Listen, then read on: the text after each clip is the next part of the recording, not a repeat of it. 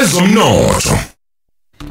Ezomnotho sesikhona ke nangonyaka ka2022 sasigcina sivalelisile eh sathi siyobuya ngo2022 asikumibingelele mfoka Xaba le eh shenge no nethimba lakho lonke eh ugcameza nabalaleli bokhozi sibingelele kulonyaka 2022 esikhola ukuthi uzosiphatha kahle ukudlula iminyaka edlule. Eh siyafisa nje ukuthi ngathi ungathi kusibekela kancane okuzokwenzeka ngo2022 kumandla omnotho. Kanti ke futhi nanokuthi sim kanjani nje isimo sezomnotho emhlabeni naseAfrika jikelele?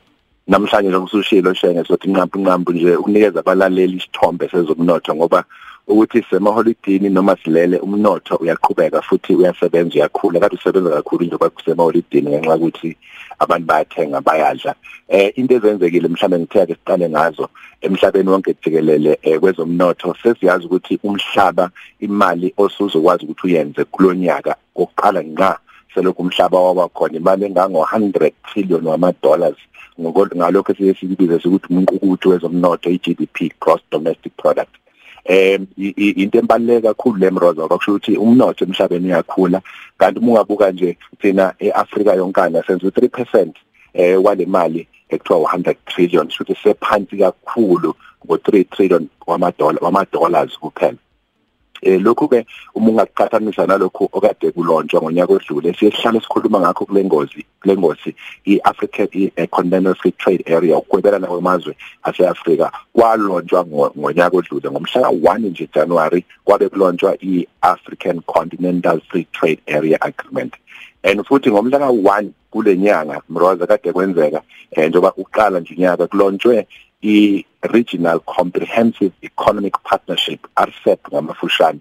Ihwebelano lolwamazwe ke ale afana nawo China, iAustralia, iJapan, iNew Zealand neSouth Korea neIndia kade ikhona phakathi. Ingxenye yaba futhi nje njengoba sibo siyu 7.8 billion emhlabeni cishe u30% wabantu eh laba eh abakha le le le RCEP abazohwebelana ndawonye bebhodwa mhlawumbe omunye angasakubukela ukhathi kukwenzeka ngasizathu sini. Ingenxa ukuthi kuningi ukuncintisana futhi umhlaba wonke uvuka kakhulu uma usubona ukuthi iAfrika siyafuna ukusebenzisana ngoba phela thina siwumtapo wamazwe wonke omhlaba eAfrika. So mawubona ukuthi khona ukusebenzisana okukhulu okwenzakalayo masikhuluma ngepolitiki ezomnotho khona eh okuphinde kuhambe kuhambe kutshengisa ukuthi eh umhlaba uyafuna manje ukuqoqana ngoba uyabona ukuthi iAfrika maye ngavuka ime iyodwa ungaluza kakhulu kodwa ke lokho siyobe sixoxe ngelinye ilanga.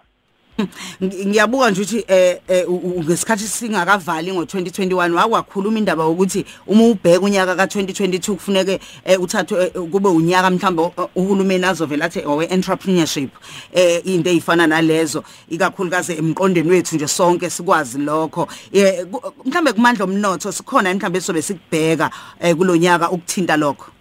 Kunjalo mroza sizocela sizokugxilisa kakhulu kubalaleli bokhozi nabantu nje baseNingizimu Afrika abathanda ukuqala amabhizinisi thina lapha kumandla omnotho ngakule ngosi sizokwenza nonyaka kithi ube unyaka we-entrepreneurship noma kanjani.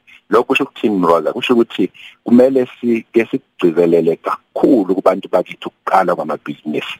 Yabona nje bathi sisemakhaya besihambela indawo zasemakhaya eziningi abantu basemakhaya indawo abanayo yokuthi bangakwazi ukwenza amabhizinisi umhlaba ngiyazi mroza sawudinga umhlaba futhi sawufuna uhulumeni usakulungisa lokho kodwa kunomhlaba omningi esinawo mroza. Awusebenzi lo mhlaba. Kade ngibuka ngihambe ngihlonza ngibheka ngithi hey wazi walala umhlaba alala ama millions kwesi isikhathi uma uthi ungafika wena uthi ufuna ukuzowusebenzisa eh lo mhlaba eh wakwaphelezi em oh 20 noma oh 1000 hectares eh usucelile ukuthi ufuna ukusebenzisa. Kumane kufike nje insizwa ezakosha ngezeke egoli zithi hayi ubani lo semisa umhlaba wakithi? Eh kumele ngempela ke siguqule lokho brother ngithi ngicigcelele namhlanje ngoba eh lezi zinto ekuthiwa ama community project nokuthi kuhlangane kusetshenzwe ndawonye sibonakala ngasebenzi so esixoxe lokhu kabanzi ngelinye ilanga ngoba kunento ebuhlungu eyenzekalayo eNingizimu Afrika uma sikhuluma ngabantu bakithi. Kwesisikhathi eh okuthola ukuthi bayikwaza ngowabo umkhonto. Kodwa ke esizobe sikubheka kakhulu kumandla omnotho kuzobe sibuka zonke izinhla zezomnotho ngokuhlukahlukana kwazo. So siyithatha mrola sizisa kwelinye izinga elithe thuthu. Ngabe yimbuzi lezi ehlala sikhuluma ngazo noma inkomo yonke into ethi livestock.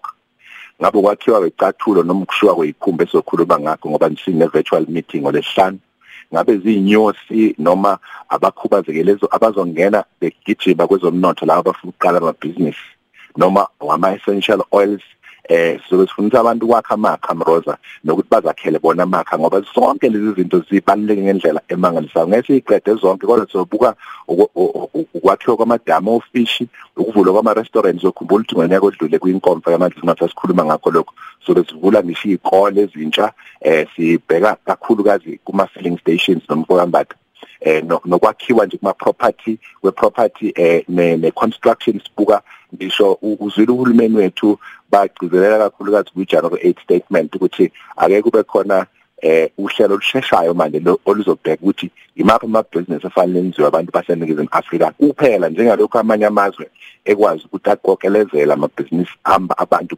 basezweni lawo. So bese kubuya konke emroza lokho kulonyaka eh abalali bokhozi impela fanele bagabadule nathi ngoba sobe sigabadula ngempela khonyaka. Sibonga kakhulu siyabonga kakhulu nje nangokuthi ke usinikeze ke eh ukuthi mhlambe singawubheka kanjani lo nyaka sengathi nje konke kungahamba kahle. Sihlanganeni ke ngokuzayo.